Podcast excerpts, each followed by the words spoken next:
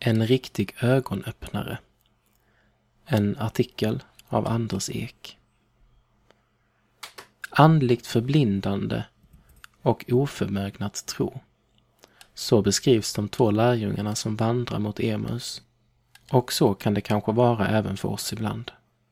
För Emusvandrarna är det ett rejält bibelstudium, lett av Jesus själv, som till slut öppnar deras inre ögon. Man kan undra exakt vad det är Jesus säger till Emausvandrarna. Det står att han berättar för dem vad som står om honom i Gamla Testamentet. Och vi kan bara gissa vilka bibelställen Jesus väljer att lyfta fram.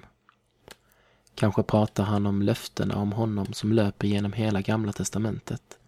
Från orden till ormen efter syndafallet. Kvinnans avkomma ska krossa ditt huvud. Via Abraham. I din avkomma skall alla jordens folk bli välsignade. Till David. Jag ska befästa din avkomlings tron för evigt. Oavsett så förstår vi att det Jesus säger till dem är viktigt för dem. De är helt knäckta över vad som hänt i Jerusalem. Att Jesus blivit korsfäst gör att de har förlorat allt hopp. Men när Jesus undervisar dem så förstår de att det var meningen att han skulle dö och att de inte behöver vara missmodiga. Tron öppnar ögon. Emausvandrarna lämnar mötet med Jesus förändrade. I början av texten står det att de är så bedrövade och att deras ögon är slutna. Det betyder givetvis inte att de bokstavligen går och blundar, utan beskriver hur de är andligen förblindade. Eftersom de saknar tro är de bedrövade. Eftersom de saknar tro kan de inte känna igen Jesus. I slutet av texten står det dock att deras ögon öppnas och att de då känner igen Jesus. Bibelläsning gör andlig skillnad. På några andra ställen i Bibeln talas det om samma sak, om andlig blindhet. Om hur människan blir förd från mörker till ljus när hon kommer till tro. Eller att hennes inre ögon öppnas.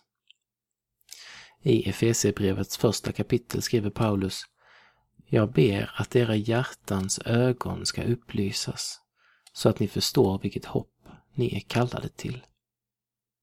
Vandrarna får en andlig stark upplevelse av bibelstudiet. Det står att deras hjärtan brinner och att deras ögon öppnas. På samma sätt är det för oss. Att läsa Bibeln eller höra undervisning om dess budskap gör skillnad för oss andligen. Vi förknippar kanske andliga upplevelser med bön, lovsång och Andens gåvor.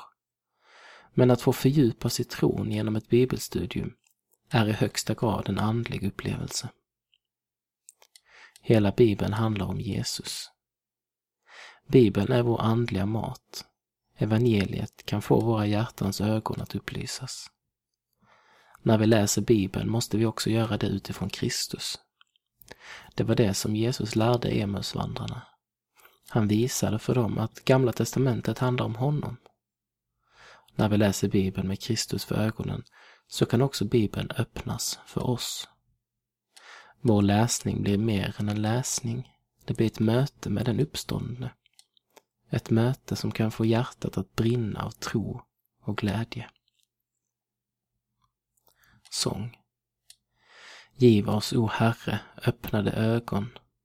Vi vill se Jesus, vidröra honom. Lär oss att lyssna, höra hans stämma. Giv oss, o Herre, öppnade ögon. Utan dig, Herre, kan vi ej leva. Utan dig, Herre, finns ingen himmel. Ditt ord, din ande fröjdar vårt hjärta. Du är vår frälsning, du är vårt allt. Låt oss få leva uti din närhet. Ge oss din ande, fyll oss med kärlek. Hjälp oss att lyda, tjäna med glädje.